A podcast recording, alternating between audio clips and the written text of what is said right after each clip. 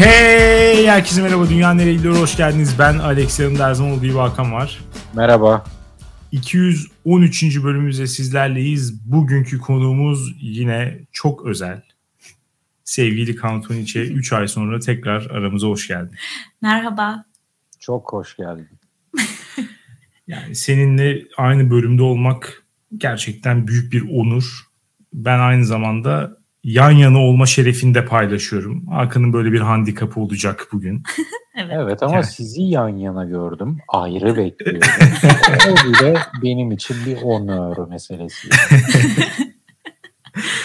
Geçtiğimiz bölümün konusu özür dilemekti. Dünyayı iyiye götürüyor çıkmış %82 ile.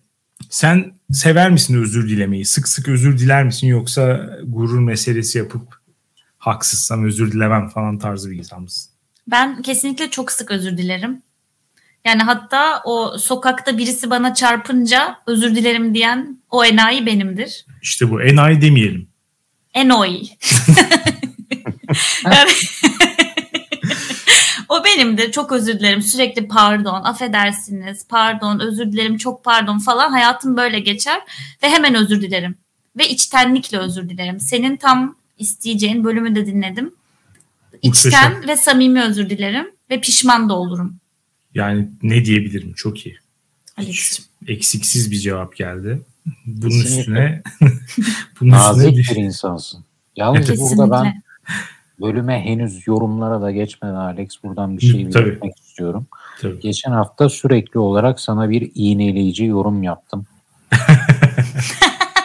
Doğum evet. günümü kutlamadığına dair. Doğru evet o konuya gelelim. Hı. Evet, doğum günümü unutup kutlamadığını düşünüyordum. Hatta bu yüzden özür dilemek konulu bir bölüm yaptığımızı düşünüyordum. Yanılmışım başka bir özür bekliyorum. Ortaya çıktı ki meğer kutlamışın ben hatırlamıyorum. Çünkü evet. saat 10'dan sonra kutlamışın. bir insanı doğum gününde saat 10'dan sonra arayıp kutluyorsan bu onun hatırlamayacağı garantidir.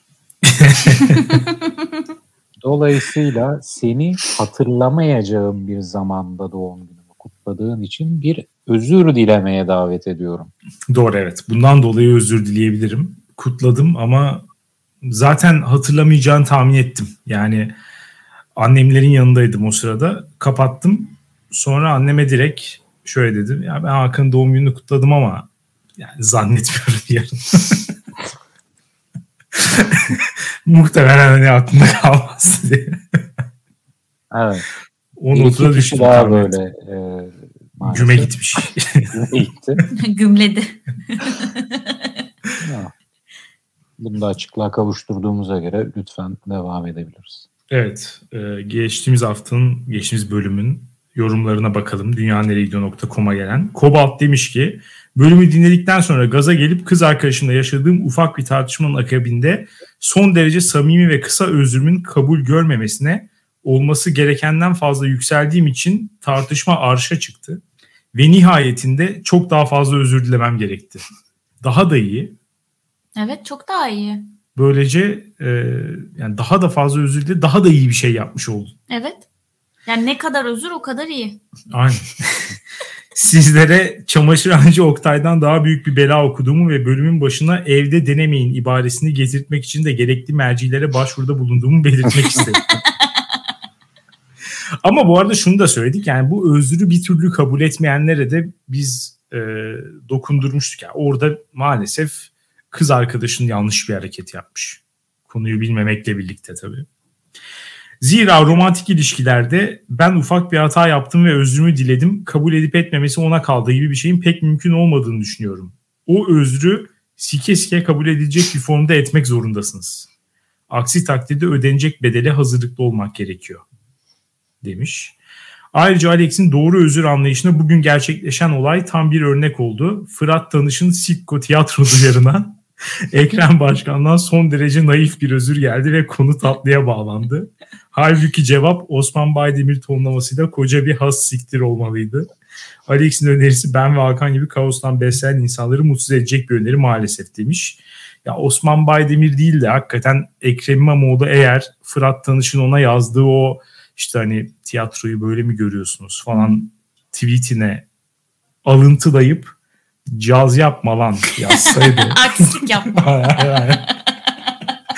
Artistlik yapma lan yazsaydı. E, bundan sonra hani ölene kadar Ekrem İmamoğlu neferi. kapı kapı dolaşıp o isteme stili bir hı hı. Ekrem İmamoğlu manyağı olurdum. Ama hani özür dileyerek bence doğru bir şey. Artı puan topladı ki hiç özür dilenecek bir şey yok. Yani bu kadar bo bu kadar boktan bir konu hiç olmamıştı daha önce. bu kadar suçsuz bir insan yeryüzüne gelmedi daha önce yani. O kadar hani alakasız bir e, konu ama yine de özür dileyerek her şartta özür dilemenin ne kadar artı puan e, getirecek bir hareket olduğunu göstermiş oldu Aynen. Ekrem İmamoğlu. Ya belli olmaz. Aynen. Bunun artı getirip getirmediğini bilemeyiz. Bence ya gördüğüm kadarıyla insanlar işte ne kadar kibar, modern bir şey. Ha tabii bazıları da şöyle diyebilir. Ulan adam bak Fırat Tanış'a bile geri vites yaptı. ya evet. Ya bak bu da geçerli bir görüştür Alex. bu adam siyasetçi. Siyasetçiler farklı kriterlere göre değerlendirilir. Dolayısıyla hiç özür dilenmeyecek yerde özür dilemesi bu adamı güçsüz gösterebilir. Ben... Abi güçsüzlükten ziyade hakikaten manyaklık sorgulaması evet. her iki bu tarafa da. bu açıklamamın üstüne ben de acilen TV programlarına siyasal iletişimci olarak çıkmak istiyorum. CNN Türk'te. tam, tam bir boş gezen, boş kalkış. 7 erkek. 7 erkek bir moderatör zavallı bir kadın. yani böyle bunun ne yaptığını biz bilmiyoruz deyince alta siyasal iletişimci geçiyor. e, Lina demiş ki ah Alex bu kulaklar ne özürler duydu. Amiyane tabirle söylemek gerekirse bu cümle yalama olmuş durumda. Çok ciddiye almamak gerek diyorum ve noktayı koyuyorum. Özürlerin daha detaylı içeriği için rakılı bir bölüm gelmesi şart. Ee, senin için özel olarak viski ayarlayacağım Hakan. Umarım viskiyi balsız tercih ediyorsundur. Çünkü ben varken bala ihtiyacın olacağını sanmıyorum. Dina gerçekten her zamanki gibi yine klasını konuşturmuş. Evet, evet. E, sushi Trash demiş ki genel olarak dünyayı iyiye götürdüğünü düşünüyorum. Hatta kişisel deneyimlerim sayesinde hayatımdaki anlaşmazlıkları ve tartışmaları neredeyse yok etme yeteneği kazandıran davranış olarak tanımlayabilirim. Mesela ne zaman biriyle ciddi bir tartışmaya girsem işin sonundaki özür faslını hissedip tartışmayı tehlikeli yerlere gitmeden sonlandırmaya çalışıyorum. Çok doğru bir nokta. Eğer sonradan özür dilemen gerekeceğini düşünürsen, hmm. düşünüyorsan belki mesela daha o raddeye gelmeden döndürebilirsin olayı. Bu da mantıklı. Özür gerektiren bir durum oluşmaması için özen göstermenin özür dilemekten daha makul olduğuna inanıyorum. Çünkü senin özür dileyerek kastettiğin farklı yorumlanıyor. Hayda. Hoppala. Neden dilediğini iyi ifade etsen bile özür dileme girişiminde bulunduğun an karşı taraf yavaş yavaş tacını taktığını, ortamdaki hiyerarşinin değiştiğini sana hissettiriyor. Galiba Akın dediği gibi orman kanunlarının hakim olduğu bir lokasyondan yazıyorum bunu demiş. Yani çok sert bir yorum olmuş ama şurada şöyle bir haklılık payı var. Ee, mesela diyelim ki ikili bir ilişkin içindesin yani bu kadın erkek vesaire ya da işte erkek erkek vesaire bir cinsel ilişki olmak zorunda değil arkadaşlıkta da bir taraf bir tarafa gerçekten objektif olarak kötü bir şey yaptı diyelim. Sonrasında özür diliyorsun. Benim gibi biriysen samimiyetle özür diliyorsun. Evet. Ve özürün kabul ediliyor. Fakat sen o özür dileyip affedilmiş kişi olan pozisyona düştükten sonra ilişkide dengelerde bir oynama oluyor. Ben buna inanmıyorum. Ben buna inanmıyorum. Yani, oluyor. Da, gerçi şöyle söyleyeyim. E, yaptığın hareketin büyüklüğüne bağlı olabilir bence bu. Evet.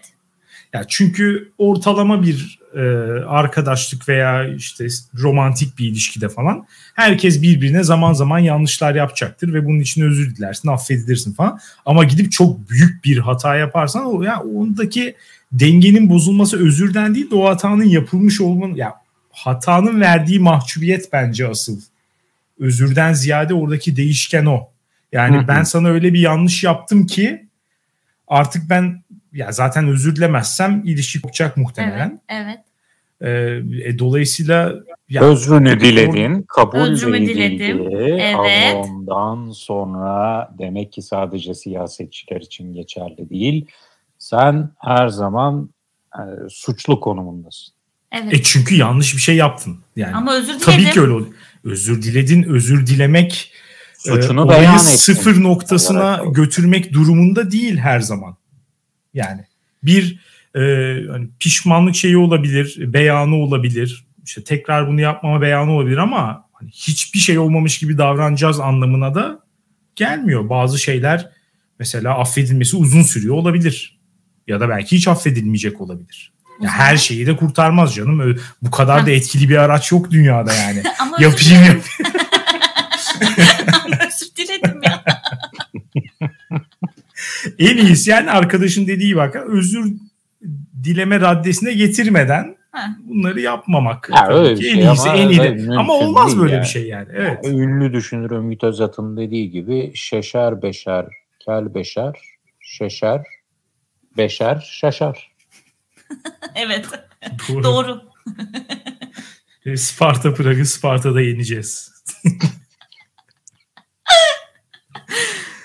ee, Perişan Burak. Hı. Öncelikle Nick çok hoşuma gitti. Bunu söyleyerek başlamak istiyorum.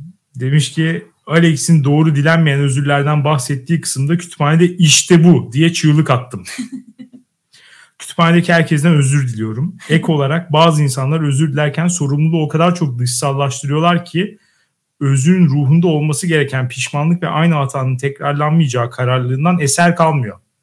Yani fazla agresif bir çıkış yapan bir kişinin özür dilerken ya o gün şunlar şunlar başıma geldi. O yüzden çok sinirliydim özür dilerim demesini anlayabilirim.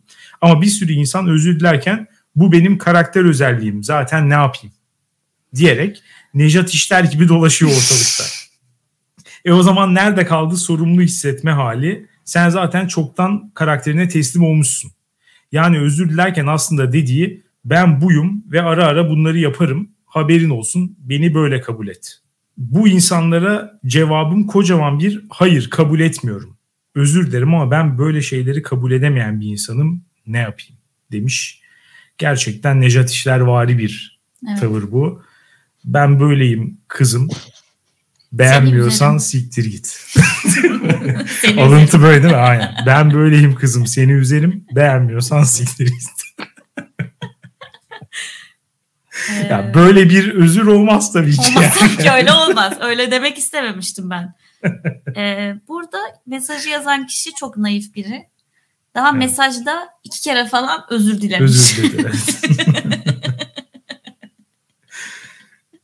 Kendisine sevgilerimizi gönderiyoruz. Evet. Feni demiş ki selam Alex ve Hakan yine uzun uzun düşündüren bir bölümdü bu. Özür dileyenin tavrına ve kişisine göre dünyayı nereye götürdüğü değişir. Hı. Ee, evet tabii ki. Ama sanırım ben iyiye götürdüğü tarafındayım. Bu arada sizinle vakit geçirmek gerçekten keyifli olurdu. İyi ki varsınız. Sohbetiniz giderek ilginç hale geliyor. Filmlerdeki karakter gelişimini takip eder gibi dinliyorum sizi. Demiş ve öpmüş bizi. Biz de onu öpüyoruz ve e, gel bir gün görüşelim yani nedir? Çok tatlış bir mesaj. Evet. Neyse biz daha fazla yorum okursak bu iş çok uzayacak gibi hissediyorum. O yüzden sevgili Cantonice'nin bize getirdiği konuya geçebiliriz artık. Hazırsanız geçelim. başlıyorum. Arkadaşlar bugün size yine çok ilginç bir konu getirdim.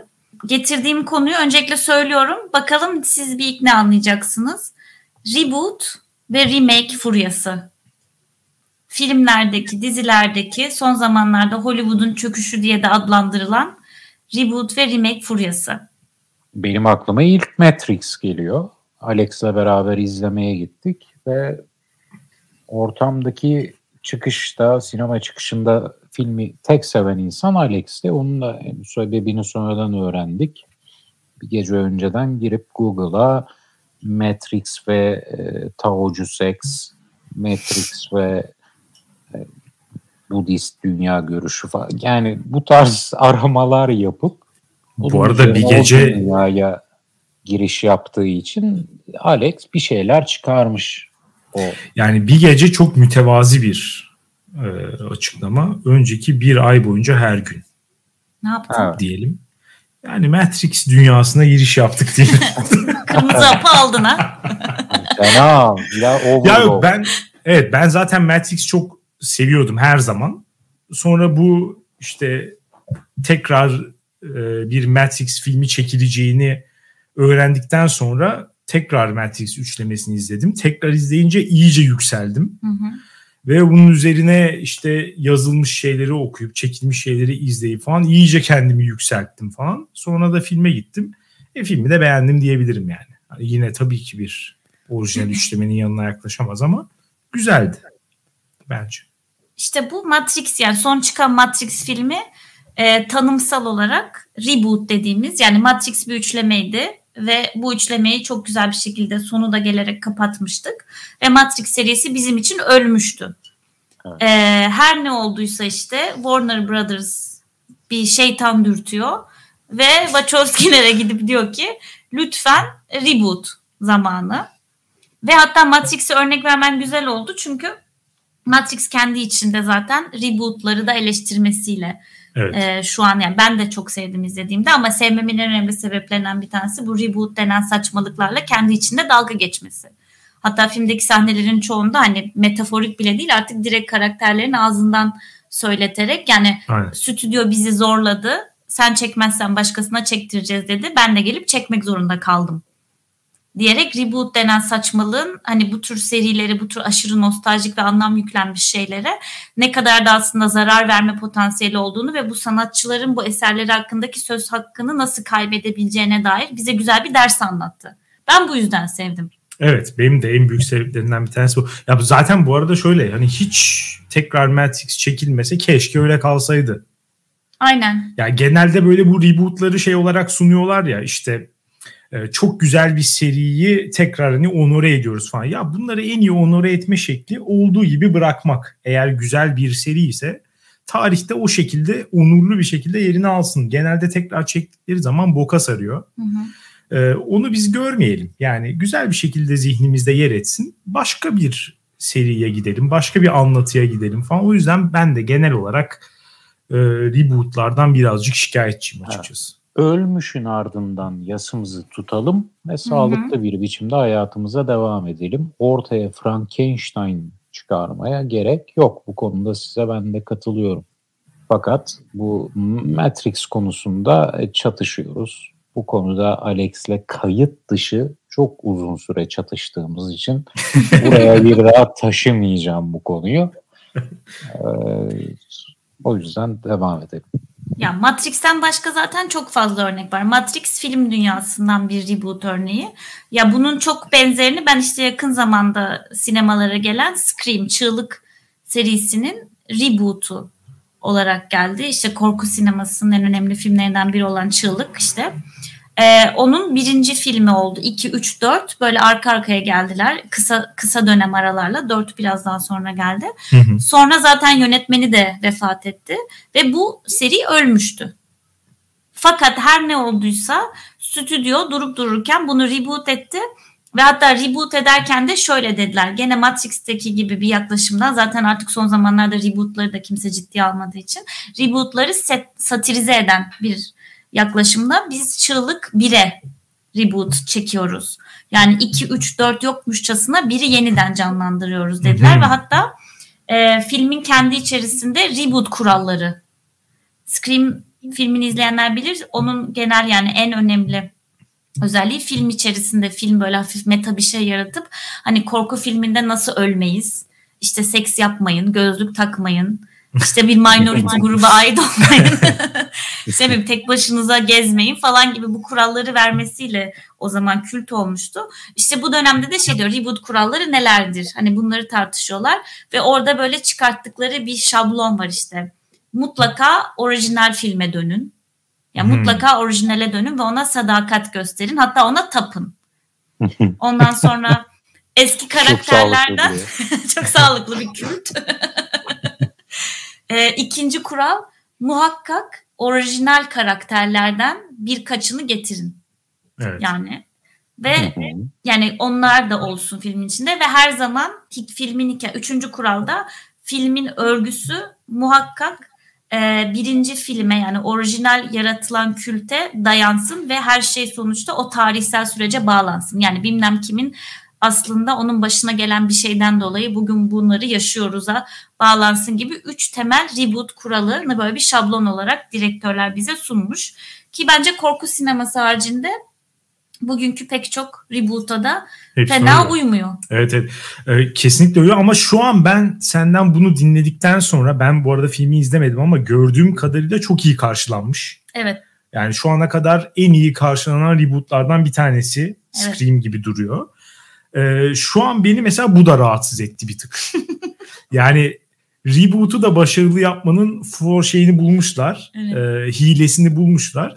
Meta yaptığın zaman eğer hani kendisiyle dalga geçen yarı parodi bir şey ürettiğin zaman artık hani hem eleştirilemez hale geliyorsun. Artık kimse çıkıp sana şey de diyemiyor. Ya işte kardeşim hazır kitleye dayanmışsın. Nostaljiyi sömürüyorsun. İşte reboot hem onu söyleyemiyoruz artık. Çünkü zaten bizim argümanlarımıza adam filmin içinde cevap Hı-hı. veriyor. Mesela Matrix'te de bu birazcık vardı. Yani eleştirilere ön alma hali. Hı hı. Ee, bir miktar o da bence rahatsız edici aslında. Evet. Yani bu reboot olayını belki hakikaten toptan kaldırmak e, en iyi çözüm olabilir. hani metayı falan da çöpe at. Yani bu ya boş verelim ya. Yani ne bileyim buluşup başka bir şey yapsınlar Scream'le ilgili. Tribute YouTube programı falan yapsınlar yani. Tekrar bir film çekilmese ne olur? e, dünya ne kaybeder ya da sinema ne kaybeder diye düşünüyorum. Bunlar hiç olmasa muhakkak bir şeyler kaybeder. Ama e, sanki getirisi götürüsünden daha fazla olurmuş gibi. Hani reboot mesela ütopik bir dünyada reboot yasaklandı. Böyle bir şey oldu yani. Sanki daha iyi oluruz gibi hissediyorum. Totalde belki. Evet. Ya ama şimdi mesela Macbeth, Hamlet, Bunların tekrardan çekimlerine de reboot mu diyeceğiz? Onlar remake. Remake diyor. Onlara remake diyoruz. Hmm. Onlar orada sadece zaman farkı mı oluyor? Yani 90'larda yapılmış bir filmi bugüne taşıyorsan reboot ama 1600 derse atıyorum remake mi oluyor? Nasıl orada bunu lütfen Kantu'ya Bunu ben küçükçe hemen çok kısa anlatayım. Reboot zaten anlaşıldı diye düşünüyorum. Remake e, şöyle oluyor. Zaten var olan e, mesela yakın zamandan Dune filmi geldi ya. E, Dune seri, kitap serisinin uyarlaması. O zaten önceden çekilmiştir. Yani Dune'un birinci kitabı zaten farklı bir yönetmen, farklı bir kas tarafından aynı hikaye olduğu gibi çekilmişti. Ama o filmi tamamen bırakıp onu ne re- reboot ne sequel çekerek aynı filmi baştan yaptılar. Remake o. Yani zaten var olan bir şeyi olduğu gibi baştan yapmak. Ha, o zaman hikaye devam ederse reboot diyoruz. Evet. Değil mi? Evet, evet. Yani aynı evrende e, başka bir hikaye anlatılırsa onu reboot denilebilir. Ama aynı hikayeyi aşağı yukarı e, ikinci kez çekiyorsan ya da Üçüncü, dördüncü kez de oluyor bazen. Kez. Hani ona remake diyebiliyoruz. Reboot daha çok o yüzden şeylerde oluyor. Mesela franchise'larda oluyor. Hani süper kahraman dünyası yaratılmış bir tane. 3-4 tane film çekilmiş. Aradan zaman geçmiş. Adam reboot ederek o evrende başka bir hikaye anlatıyor. Remake işte Peki, açıkladığı gibi. O zaman Kanton için reboot kuralları arasında şeyi saymaması ilginç geldi. Ona ne dersiniz? Hı. Güncel e, ideolojik seçimlere, değer yargılarına göre film veya dizileri ona göre uyarlamak. Bu konudaki görüşleriniz ne? Yani o açıkça e, bahsettiğim Erkek yani kaynak ana olarak. karakterse kadın Aynen. yapmak atıyorum en basitinden biliyorum. Ya o da var işte. Hatta bunu şeyde görebiliyorsun. Bunu açıkça söylemiyorlar. Dile getirmiyorlar filmde. Bahsettiğim e, şeyde çığlıkta. Ama tabii ki çok açık ve seçik bir şekilde e, bütün Çığlık serisi beyaz, e, tipik, stereotipik beyaz Amerikalı fiziksel özelliklerini taşıyan bireylerden oluşmuşken bugün çekilen versiyonda zaten tam bir diversity show hmm. olarak yani karşımıza geliyor zaten ki hani bu kötü bir şey anlamında söylemiyorum ama onu zaten bize göstererek yapıyorlar. Evet. Ya şey bu politik doğrucu rebootlar yani son 10 yılın falan ciddi şeyi trendi hakikaten. Evet. Ben hani şeye karşı değilim. Ee, hani tekrar bir filmi çekip yeni karakterler eklediğin zaman e, hiç rahatsız etmiyor beni. Olabilir. Aynen. Ama şundan rahatsızım. Yani yeni bir hiçbir şey önermeden eski konsepti olduğu gibi kopyalayıp sadece e, tek bir açısını değiştirmek. İşte e, işte Ocean's Eleven ama herkes kadın. Evet. Ghostbusters. Var. Ghostbusters ama tüm karakterler kadın. Ya yani bu bana salakça geliyor açıkçası. Yani bir anlamı yok bunun yani. E, biraz şey gibi bu Matrix veya e, bir tane de bir şeyden daha bahsettiniz. Yani kendine meta yaklaşınca bunu da bir değer olarak alıp satmak. E, şu an bu çeşitlilik mevzusu da artık iyice ticarileşti gibi. Eski bir şeyi alalım. Dediğiniz gibi bir yönünü kıvıralım. Veya bunu daha zekice yapınca tabii ki daha iyi algılanıyor. Onu alıp satalım. Yine hazır bir şeyin üstüne konmak gibi geliyor bana. E, beni Öyle. Öyle zaten. Yani ya ben bir de özellikle beklenti kısmı beni yoruyor. Mesela Power of the Dog filmi şu an büyük prim yaptı. Çok da güzel bir filmdi ama hı hı. ya şunu demeden edemeyeceğim. Filmde e, Benedict Cumberbatch'in karakterinin gay çıktığı an büyük hayal kırıklığına uğradım. Niye hayal kırıklığına uğradın ya? Çünkü bu bir Netflix Tam bir hatta, filmi. Ben yani, filmi izlemedim. E... bu, çünkü bu bir Netflix filmi ya. Artık yani aa dedim bir an hani uyandım o an. Dedim ki ne bekliyordum ki ben zaten. Tabii ki Netflix filmi olduğu için bu karakter gay olmalıydı. Kadar koşullandırılmış bir biçimde e, karakterler belirleniyor gibi artık. Reboot'larda evet. da bu daha da ön plana çıkıyor. Evet ne evet orada bir tek düzeleşme var. Yapılsın. Çok artık e, öngörülebilir ve dolayısıyla biraz tatsız, biraz sıkıcı bir hal alıyor o yani çeşitliliğin rebootlara yedirilmeye çalışılmasında. Ya ona katılıyorum. Özellikle hani reboot yaptığın zaman tek önerdiğin şey buysa hı hı. o zaman artık tamamen bir şeyim var, itirazım var. Hı. Yani başka hiçbir yeni bakış açısı geçir, getirmeden sadece işte bu sefer karakterler siyah. Bu sefer herkes e, queer falan tarzı böyle bu kadar hani basit bir temsil üzerinden milletin işte sadece parasına talip olmak gibi bir şey geliyor bana artık. Hani evet. bugünün zeitgeist'ını oynayıp oradan şey yürümek. O hani çocukça hakikaten. Ghostbusters'ın mesela neden tekrar çekildiğini de anlayamadım ben. Hani bazı şeyler evrenler ilginç oluyor gerçekten. Mesela Matrix çok kült ve ilginç bir evren. Dolayısıyla reboot edildiği zaman gerçekten sonsuz e, alternatif sunuyor sana. Bir sürü hikaye anlatabilirsin Matrix evreninde. Hı. Ya da aynısı işte ne bileyim Batman, Marvel genel evreni falan. Bunların hepsi için geçerli. Yani çok zengin bir ortam. E, Ghostbusters'da mesela böyle bir şey de yok. Çok iyi bir fikir de değil aslında. Hani çok ortalama bir e, fikirden yola çıkmış ama çok iyi oyunculuk. Artı hani müthiş bir soundtrack. Hani şarkı, ana şarkı. Biraz da şans eseri ünlü olmuş bir e, film var elimizde. Gidip bunu tekrar çekmeye çalışmak falan iyice artık kısır bir yere doğru götürüyor. Bir de mesela onlar çekti bir işte e, dört ana karakterin erkekten kadına döndüğü bir film oldu. Üstüne bir daha reboot edildi. Evet. Bu sefer asıl yönetmenin oğlu e, ben işte bu filmin gerçek ruhuna uygun bir daha reboot ediyorum diyerek bir daha çekti. Erkek kastetti. Evet yani, yani Ghostbusters'ın böyle bir potansiyeli de yok mesela aslında yani. o kadar bir şey de içermiyor. Artık gerçekten iyice şey. Garantili satış. Garantili Şimdi, satış. Matrix'in e, yani çok yani gitmeden önce ben Matrix'in son filmine IMDB'yi açsam ve puanını 10 üzerinden 1 de görsem, metaskorunu 0 da görsem gidip izleyecektim. Ki ona yakın bir şeydi bu arada. 6 bin. Yani evet. kötü olduğunu herkes bas bas bağırıyordu. Ona rağmen gidip izledi. Tabii ki bunda zaten en büyük şey bu. Hani işte artık stüdyoların risk almak yerine Hı-hı. garantili e, hayran kitlesi olan %100 gişe yapacak filmleri. Ya şu an bakıyorsun artık ilk 20'ye bak mesela bu sene çıkan en büyük filmlere.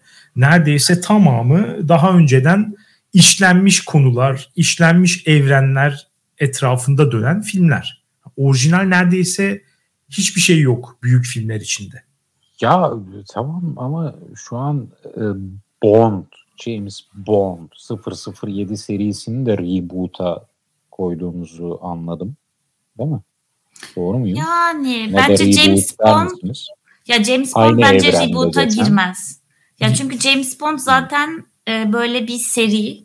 Hiç bitmedi bir de o Hiç seri. Hiç bitmedi de evet aynen böyle olduğu gibi devam ediyor. Ya James Bond'u biraz şey gibi bir yere koyabiliriz. Bu Marvel'in kendi yarattığı ya da işte DC'nin yarattığı sinematik universe'ler gibi peş hmm. peşine böyle şey gibi geliyor. Filmler geliyor ya da işte sürekli Star Wars falan gibi diziler de yapıyor. Onlar hiç zaten ölmüyor. Star Wars'un reboot'u yapıldı aslında. Yapıldı evet. O yeni çekilen bir film vardı. Şimdi filmin adını kesinlikle hatırlamıyorum.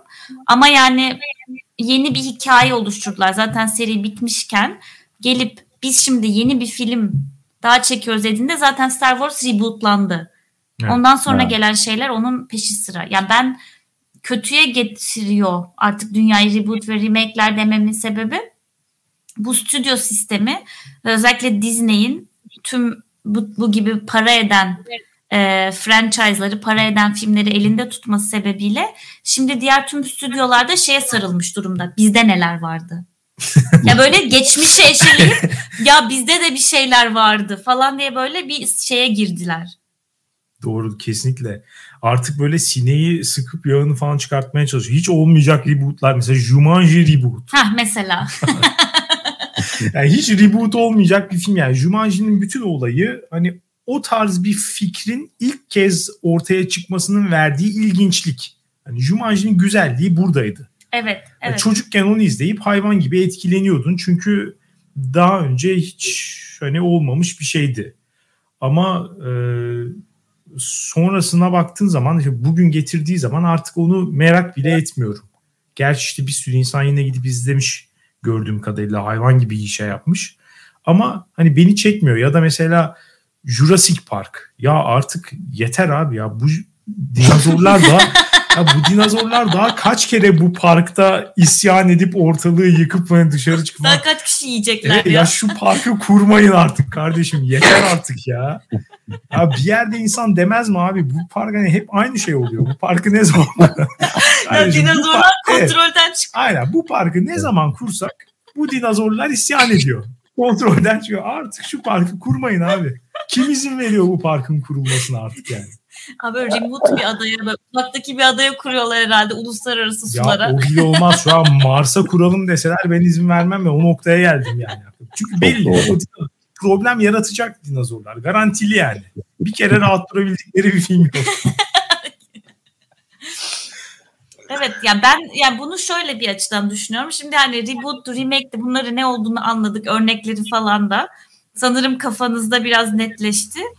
Ee, ya ben şuna konuşmak için yani sizin de fikrinizi çok merak ediyorum. Ben kendim de rebootlardan nefret ediyorum. Ee, izlemek istemiyorum. Dizisini de filmini de görünce böyle ıy tepkisi veriyorum. Ay Allah sizi kahretsin.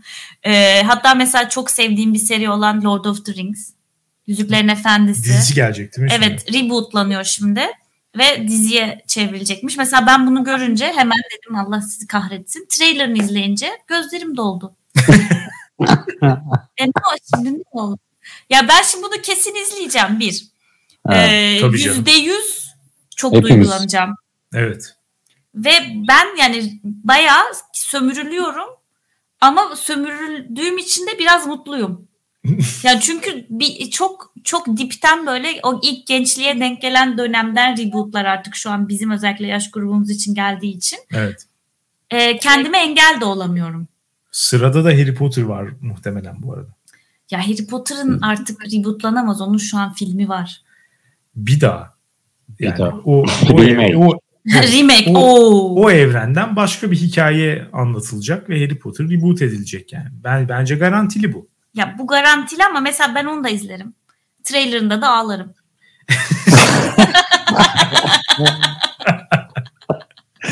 Ya zaten evet yani izleyenlere ne diyebiliriz yani tabii ki insan yani nostalji önemli bir şey gerçekten. İyi hissettiriyor insana. Ben de izleyince e, iyi hissediyorum ya da çıktığı anda Hakan dediği gibi yani o garantili gişe olayı zaten adamlar onu oynuyor. Boşuna oynamıyorlar yani. Gördüğümüz zaman e, muhakkak ilgimizi çekiyor. Öyle ya da böyle o filmi izleyesin geliyor ya da diziyi. Yani muhakkak evet. böyle bir etkisi var. Evet ve bir yanımda diyor ki e, bu aslında tarih boyunca vardı. Yani televizyon veya sinema tarihi boyunca rebootlar hep vardı. Hı hı. Bizim şu an ya bu kadar reboot olmaz deyişimizin sebebi acaba bizim içimizde mi? Ya biz mi sürekli yeni bir şey, yeni bir şey, yeni bir şey ister hale geldik de yani. O yüzden mi rebootlar çok gözümüze batıyor diye düşünmüyor değilim. Bence ikisi de yani şöyle bir durum var hakikaten. Hiç olmadığı kadar orijinalite şu an e, kendi var. içinde bir değer olarak görülüyor. Ya yani eskiden mesela bu kadar... Alex düşünsene es... ha, eskiden dedi, eskiden bu kadar yapım var mıydı? Ya şu an Netflix'ten her hafta bizim önümüze 10 tane orijinal bir yapım getirmesini bekliyoruz. Tabii evet. Ee, ya evet onun da onun da etkisi var ama ya iki, bence ikili bir durum var gerçekten ortada. Bir tanesi e, orijinaliteye şu an eskisine göre daha fazla değer veriliyor.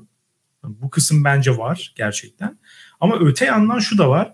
Ya belki de hiçbir dönemde stüdyoların en çok para harcadığı, en çok reklamını yaptığı, en çok pazarlamaya çalıştığı işte 30 filmden 20'si reboot olmamıştı bence hiç. Evet. Bence böyle bir şey yoktu ya. Bu yeni bir trend.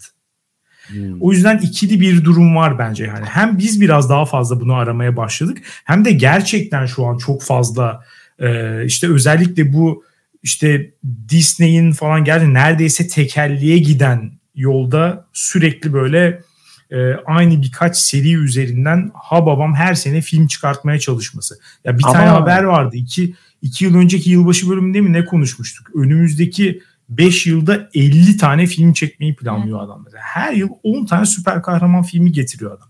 Sürekli bir şey çıkartmaya çalışıyor. Yani muhakkak bu kadar fazla orijinal şey çıkartmak da zor. İnsanlara onu alıştırmak da zor. Yani 10 tane süper kahraman çıktığı zaman e, yeni tutmayacak. Yani bir, birini belki tutar insanlar ikisini. Hepsine birden alışamazsın ama işte örümcek adama her zaman insanlar artık bir kere çünkü o tutmuş. Zaten hazır kitlesi var. Ekleye ekleye gidiyor o. O şeyi almış, momentumu almış. Tabii ki ona yönelecekler. Ama bu kadar fazla içeriğe gerek var mı? O kısım bence soru işareti. Yani bu kadar niye bunlar tekelleşip hayvan gibi paraya para hale geldi? Evet. Ya çünkü istiyoruz işte yani. Ben Netflix işte ben aynı şeyleri aynı listeyi görünce benim sinirlerim bozuluyor. Yani reboot anlamında demiyorum. Ama dediğim şu genel havuza bakınca rebootların total üretime oranı yani içimden bir ses diyor ki bu devirde en düşük tarih boyunca en düşük seviyesinde bile olabilir. Total üretim bakarsan öyle olabilir ama dediğim gibi en çok para harcanan, en çok sinemalarda sana reklamı yapılan, en çok pazarlanan filmler olarak bakarsan da bence tarihi yüksektedir şu an.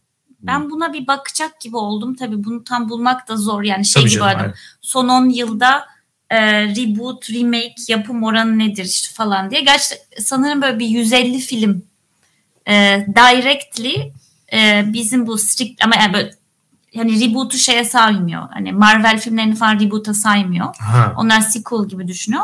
Yani reboot edilen filmler ve remake yapılan filmler son 10 yılda 150 falan büyük bir rakam. Yani sonuçta reboot ve remake dediğimiz şey orijinal senaryo, orijinal karakter yapısının yazılmaması demek. Evet. Yani ve bunun yapılmadığı 150 tane filmin 10, son 10 senede çekilmesi demek gerçekten seyirciye 10 sene içerisinde daha önce izlediği filmleri baştan izletiyoruz ve çok fazla para kazanıyoruz demek. Ya bu dünyayı kötüye götürmekten başka bir şey olamaz zaten. Ya bir yandan da şu anlama geliyor bu arada. Bu şekilde devam edersek 10-15 seneye reboot yapılacak hiçbir şey kalmayacak. Yani artık sadece reboot'un reboot'unu yapabilir hale gelecek. Orijinal hiçbir konsept yok. Sadece reboot arıyoruz hani her tarafta. Ya işte böyle diyorsun. O kadar da, da değil tabii ki canım. E, ben de... mesela bu konu gelince bir düşündüm. Dedim ki ya şu an izleyip beğendiğim hangi dizi veya filmin sonradan reboot'u çekilse nasıl hissederim falan diye Fleabag geldi mesela aklıma. Hı. İzlediğim en iyi dizi. Hı hı. Ve içimden bir dürtü diyor ki o kadın 50 yaşındayken ne yaşıyor gibi bir rebootlansa bundan işte bilmem kaç sene sonra hı. 10-20 sene sonra buna nasıl tepki veririm diye düşündüm. Şimdi içimden bir dürtü ya bunu görmek isterim diyor. Ya ama bir yanında ya bu öldü. Bu konsept öldü. Artık hayatına devam et diyor. Orada yüzde 50-50 aralıyım. Bilmiyorum o yüzden rebootlar konusunda kafam karışık. Ya bence bu orijinal konseptleri güzel yapan şeylerden bir tanesi de hakikaten bir noktada bitip sonrasını gerçekten e, merak bir sürü dizi için bunu söyleyebiliriz hakikaten. Yani sonrasında ne yapıyor bu Hı hı. insanlar falan tarzı meraklar. Bence o şekilde kalması her zaman daha iyi bir Daha tat bırakıyor insanların e, ağzında. Yani bir daha yaptığın zaman ben beklentiyi karşılayabilen bir dizi olabileceğini düşünmüyorum açıkçası. Ben de istemem. Evet. Mesela dizi reboot'u şey var şu an. Yalan söyledim. How I Met Your Father. Evet. Reboot'u var mesela. How I Met Your Mother reboot'u.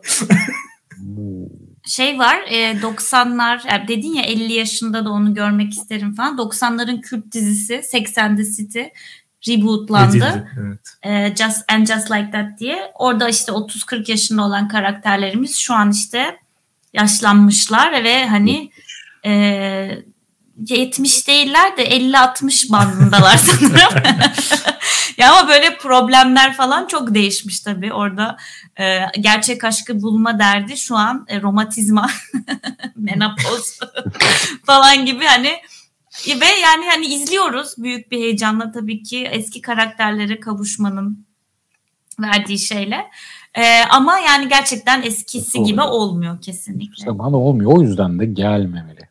Evet katılıyorum. Ama o içinizdeki dürtüyü de reddedebilir misiniz? Yok canım tabii ki düşünüyorsun. Hayır mümkün değil. Evet. Ama o yüzden ona rebootlar bitmez dedin ya. Bitmez, 40-50 tabii. sene sonra neyin rebootu yapılacak? Sen, Reboot'un rebootu yapılacak. Mesela. evet reboot'u reboot'u remake yapılır zaten hani Aa, Evet. yeni birileriyle kastedilip yeni bir yönetmenle remake yapılır. Ya bizim Aynen şu an çok hızlı tüketip anında unuttuğumuz şeyler bundan 30 sene sonra rebootlanacak şeyler. Ya bitmez zaten, yaratacak içerik. Şeyler. Yani. Ee, peki şeye ne diyorsunuz? Hani reboot'u e, aşağı yukarı konuştuk ama mesela remake bana bir tık daha mantıklı geliyor. e, filmler açısından.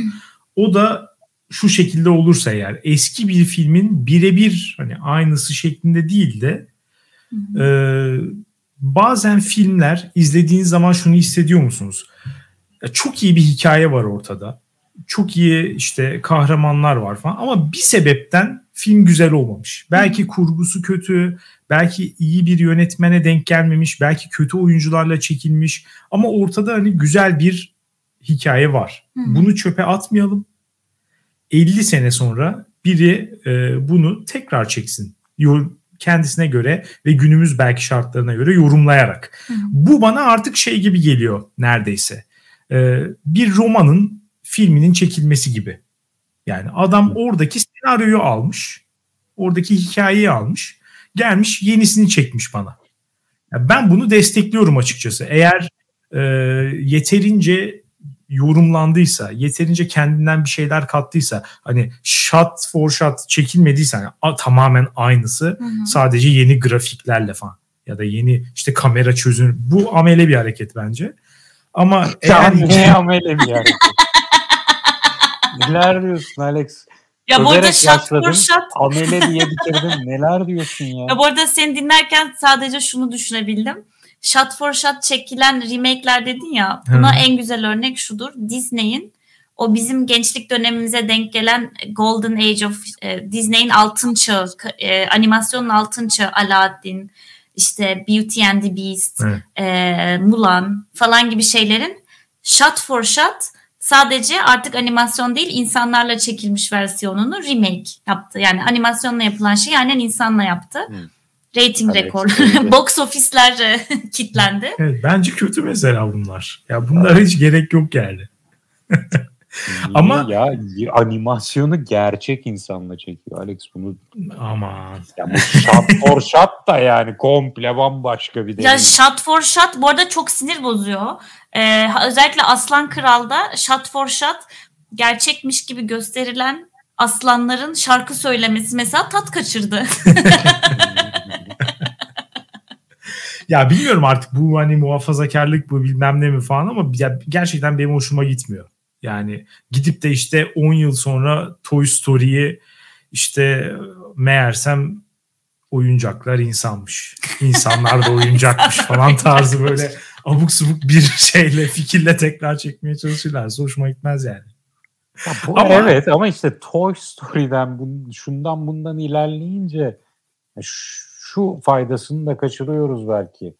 Yani iyi eserlerin hayatta kalmasını, yeni jenerasyonlara da ulaşmasını da sağlıyor bir yandan. Tabii remake ben zaten o yüzden işte, bence remake, o yüzden evet.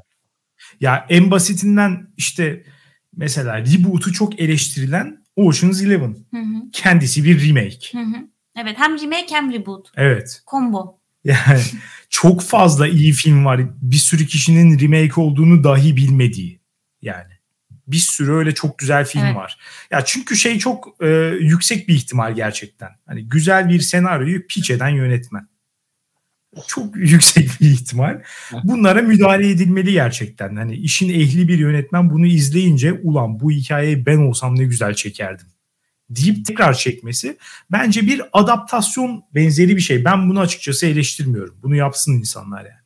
Bir sürü güzel film çıkar buradan. Ya da işte aynı dediğin gibi 80 yıl önce çekilmiş. Kıyıda köşede kalmış. insanların dikkatinden artık tamamen kaçmış. Bugün kimse Hı hı. izlemiyor. Hı hı. Onu alıp tekrar çekmek ve işte kendine göre yorumlamak iyi bir uğraş bence. Ama mesela şuna ne diyorsunuz? Hollywood'un inanılmaz küstahça yaptığı daha yeni tutmuş Avrupalı filmleri tekrar çekme. Aa, ona Yani biz en iyisini yaparız Funny Games. Şeyiyle tavrıyla tekrar çekmek. Mesela Force Majeure'ü tekrar çektiler gidip. Çok kötü. Ortada muhteşem bir film var. Artık Sen şu gidip- filmi izlemem lazım ya.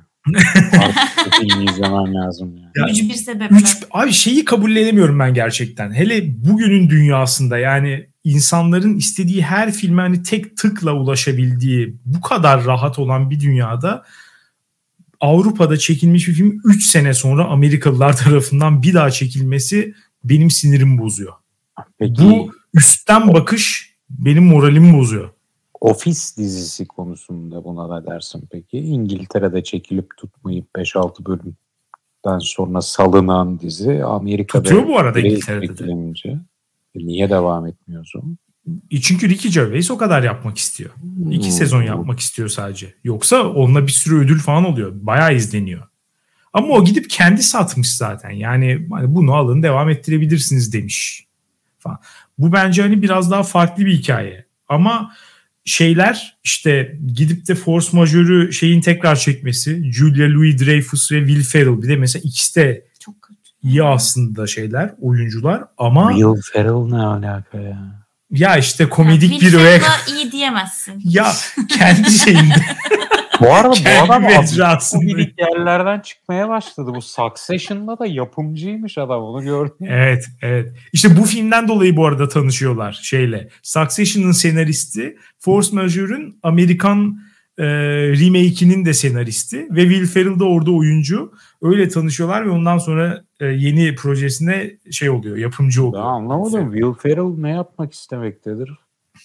Ya Will Ferrell inşallah oyunculuğu bırakıp yapımcılığa e, eğilecek bir e, amcamızdır. ya da mesela şeyi izlediniz mi? Bu Fransız film vardı işte Intouchable diye. evet. Evet. Bu işte tekerlekli, Tekerlekli sandalyede san- adam. Omar yardımcısı Sy falan. oynuyordu. Aynen aynen. Ee, mesela o filmi Amerikalılar hani tekrar çekti. Şeyle e, böyle Kevin Hart, Ha evet. Brian, Cranston. Cranston, Nicole Kidman falan bir daha çektiler. Şey diye, e, Upside diye. Evet Amerikan remake. Yani şunu anlamıyorum abi. Öteki film zaten hitin hiti olmuş. Yani öteki filmi izlemeyen ve beğenmeyen kalmamış. Ya IMDB puanına bugün baktım bu konuyu işleyeceğim Aha. için 8.5 abi. ya bu filmi niye tekrar çekiyorsun ki? Yani amaç ne? Bu artık sülüklük gibi geliyor bana. Yani çok iyi bir film var. Aynısını getireyim burada da çekeyim. Onda biri kadar izlense beğenilse bile biz de cebimizi doldururuz falan. Ya bunu da yapmayın be. Evet. Bunu da yapmayın yani. Ya orada eskiden şöyle bir argüman kullanıyordu Hollywood. Ee, Amerikalılar altyazı okumuyor. Evet. Amerikalılar altyazı okumadıkları için bu çok güzel eserlere ulaşamıyorlar. Hani bu hikayeleri bu Amerikalılara mutlaka anlatmamız lazım. Çünkü ne olur kim küser. E, o yüzden hani Hollywood remake'ini yapıyoruz ki en azından daha büyük bir e, kitleye, popülasyona ulaşsın diye. Ama artık senin de dediğin gibi bunun doğru olmadığı falan. Yani bu tamamen yanlışlanmış bir şey. Bir izliyorlar da zaten Okuyamayan Amerikalı kalmadı. yani. Hem okuyorlar hem yani oranı. alıştılar Netflix'te altyazılı içerik tüketmeye falan da. Tabii canım aynen. Ya ya da abi o zaman parayı yatır çok güzel bir dublaj ayarla. Bu kadar Yani mesela meraklıysan. aynen Avrupa'daki gibi Yani direkt evet. dublaj çakın. Hani o filmi tekrar yapmaya verdiğin paranın yüzde biriyle dünyanın en iyi dublajını yaptırabilirsin bence bir filme. Evet. Aradan geçen zaman ne kadar? Ben bu dediğiniz filmi izlemedim. Abi 4 sene mesela. Çok uzun zaman 5 değil. sene en fazla. O kadar çıkıyor. Ya öbür film daha soğumamış zaten. yani. Force Majeure'u iki sene arayla falan yaptılar. Force Majeure'u çok şov bir hızla O yaptılar. artık şey değil mi? Adam sinemada gidiyor galaya mesela çıkıyor ve bu filmi remake. Acilen remake. Vay yarın başlıyor. Bana iki oyuncu bulun bu filmi tekrar çekin. Seti kurun. Burada aklıma şey getirdin. Ee, Alex sen şey Antuş abla deyince şey remake yani böyle yapıldı yani eskiden bilmediğimiz bazı filmlerde remake ya mesela İtalyan Job'lar falan böyle eskiden aslında eski Hollywood filmi. Aynen. Ee, bunun en galiba drastik böyle örneği e, A Star Is Born. Dört kere remake yapılmış. Bu arada evet o tarz filmler de çok ilginç. Evet. Ee, şey de vardı mesela.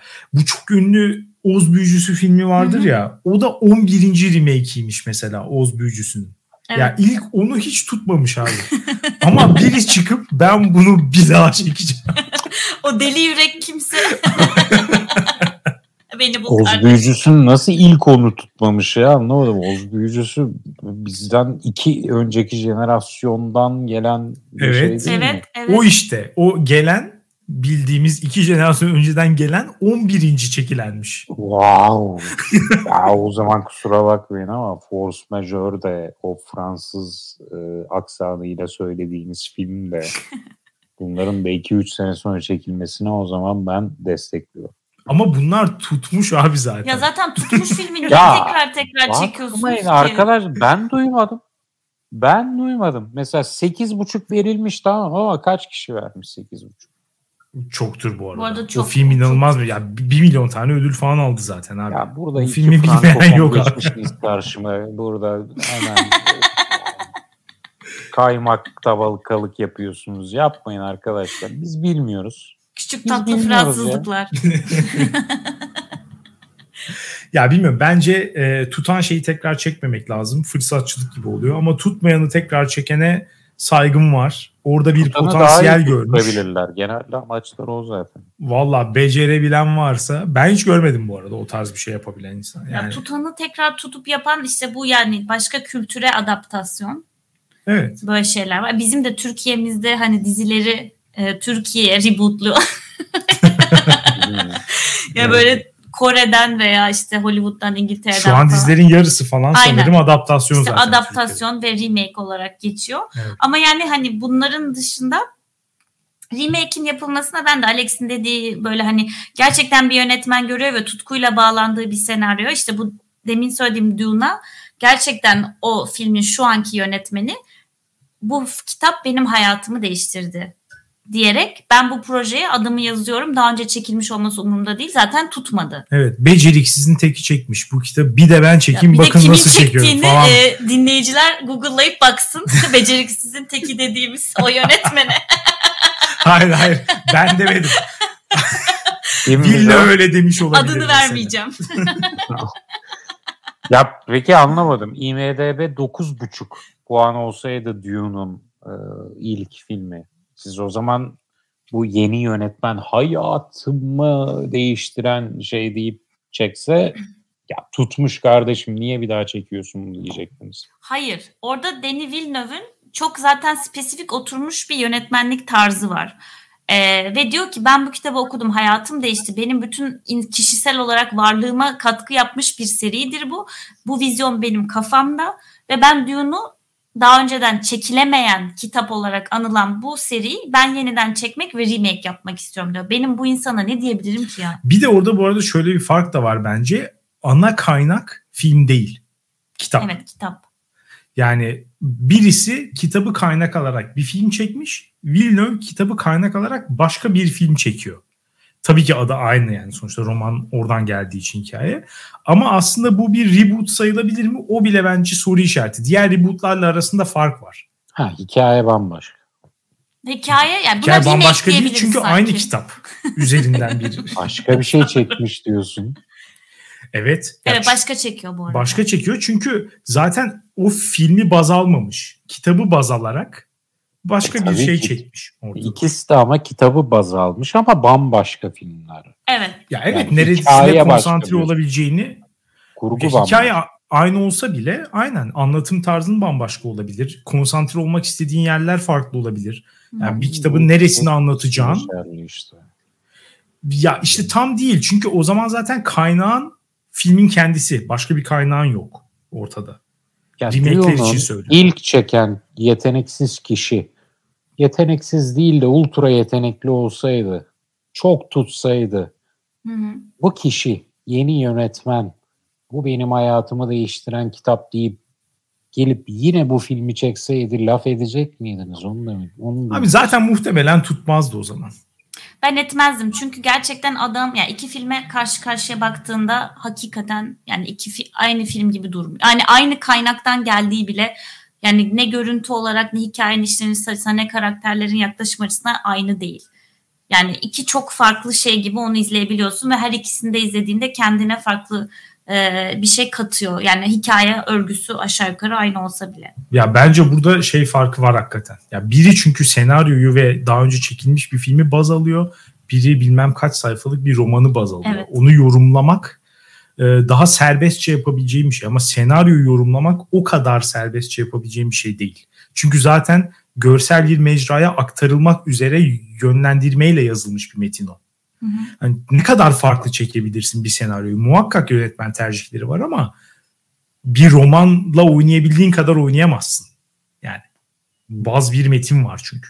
Ya burada şeye çok yaklaştık. Hem reboot hem remake için kaynak metnin zenginliği e, sanki burada hani en azından izleyici tarafından bir değer olarak karşılanıp karşılanmaması Evet. için çok önemli bir faktör. Onun dışında işte sadece opportunist bir açıyla yaklaşılıp buraya işte bir diversity yalandan tamamen şov olarak katılan diversity'lerin e, olumsuz e, şey olması. Ya benim bu reboot ve remake'lerle ilgili olan en büyük endişem gerçekten iyi senaryosu olan, iyi fikirleri olan e, ve özellikle genç çıkan yeteneklerin önünü kesme olasılığının çok yüksek olması ve bizim bir noktadan sonra özellikle büyük prodüksiyonlu orijinal film izlememe.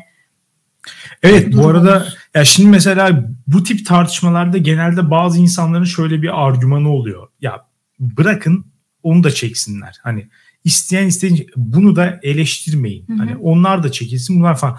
Ama aslında öyle değil çünkü ortada sınırlı bir hem personel açısından Hı hı. hem işte e, para açısından sınırlı bir sektör var. Yani sonsuz film çekemiyorsun. Ha, belli bir sayıda belli bir bütçe var.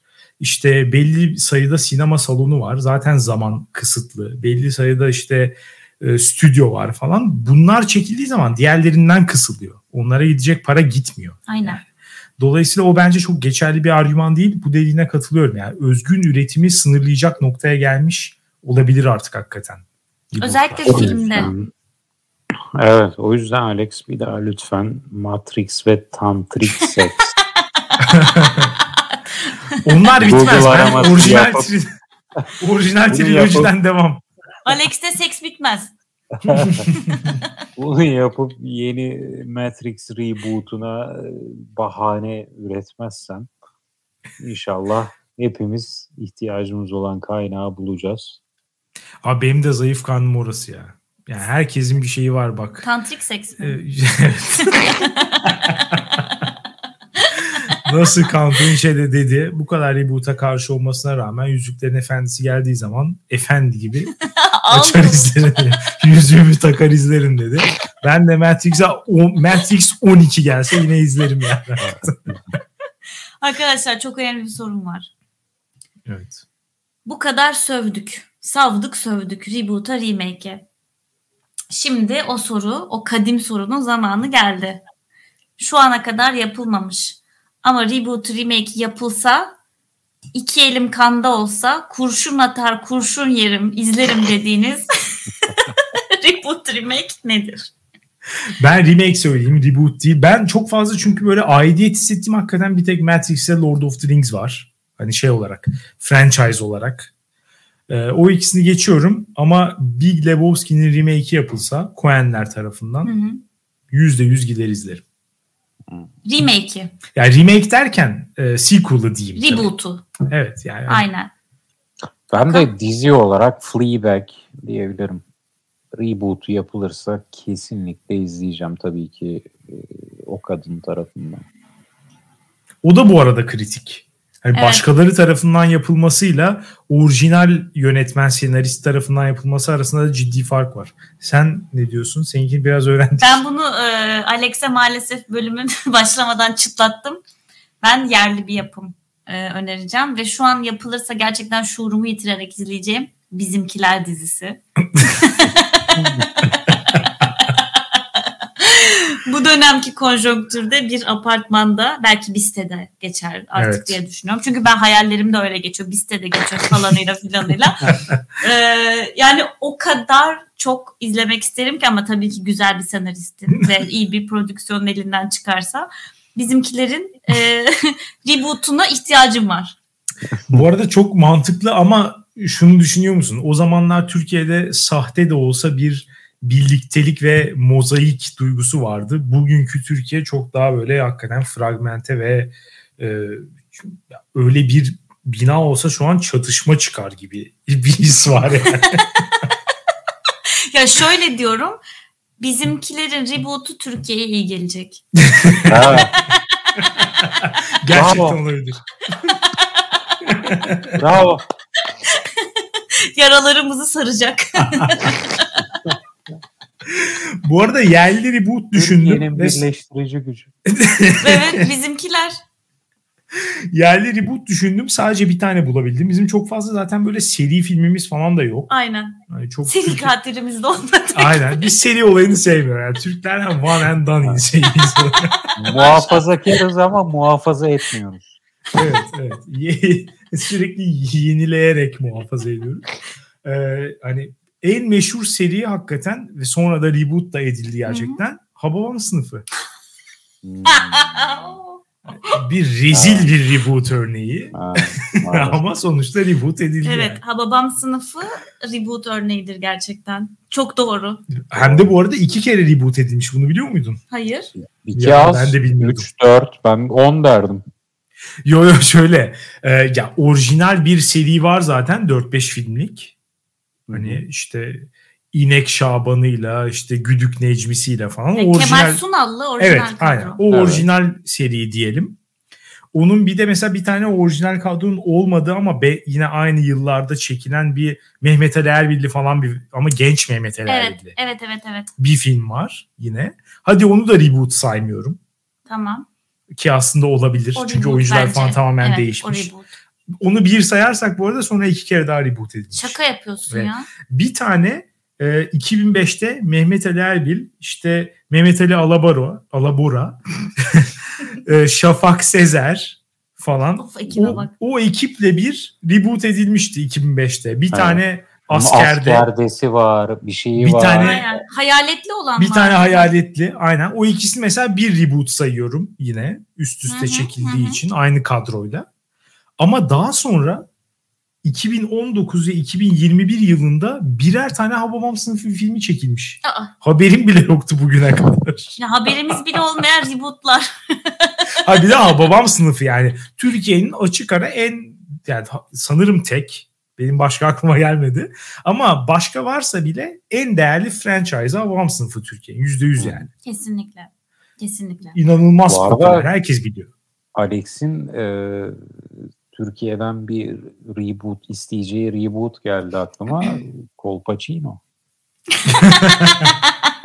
Onu rebootsa evet e, kesinlikle devam filmi isterim ama doğru reboot edilebilir. E, eğer içinde yine Şafak Sezer falan olacaksa. yani reboot edilebilecek hatta sanırım geçen böyle bir e, Twitter'da mı ne gördüm sanırım reboot edilmiş Çılgın Dershane. O film de belli aralıklarla sürekli çekiliyor. Evet. Yani öyle bir hali var. Ona da artık ne diyeceğimizi bilemediğimiz bir e, bataklıktır çılgın dershane. Ama yerli dünyamızda gerçekten olmaması işte tamamen şu anda bizimkileri bekliyoruz. Evet, evet. bunu dinleyen varsa arkadaşlar bu taraklarda biz olan. Evet prodüksiyon şirketlerine yazın bizimkilerin reboot zamanı geldi. Aynen. Eksende istiyoruz. Aynen. Ee, evet o zaman başka bir soruyla bitirelim. Reboot, remake, eski filmlerin tekrar çevrilmesi sence dünyayı nereye götürüyor Kantonce? Yani zaten belli ettim görüşlerimi. Ee, çok fazla yani orijinalliğin önünü kapaması konusundaki endişem ve gerçekten stüdyolar tarafından suistimal edilmesi şu noktada nedeniyle kötüye götürüyor. Hakan sen ne diyorsun? Ben kötü diye gelmiştim ama biraz daha iyiye doğru meylettim bölüm içinde. Ben de reboot kötü, remake iyi gibi bir her zamanki gibi bir orta yolcu e, şey konum Hocam. alıyorum. e, çok teşekkürler geldiğin için. Ne demek? Şey. Çok memnun oldum. Çok seni her, seni her zaman burada görmek istiyoruz. Ben de isterim. Stüdyoyu kitleyin. Fakslarla kitleyin kantoniçe gelsin diye. Evet. Yorumlara yazın. Ee, dinlediğiniz için teşekkür ederiz. Beğendiğiniz ya da beğenmediğiniz rebootları, remake'leri falan dünyanereydi.com'a yorum olarak yazabilirsiniz. Dinlediğiniz için teşekkür ederiz. Haftaya salı görüşürüz. Güle güle. Bye bye.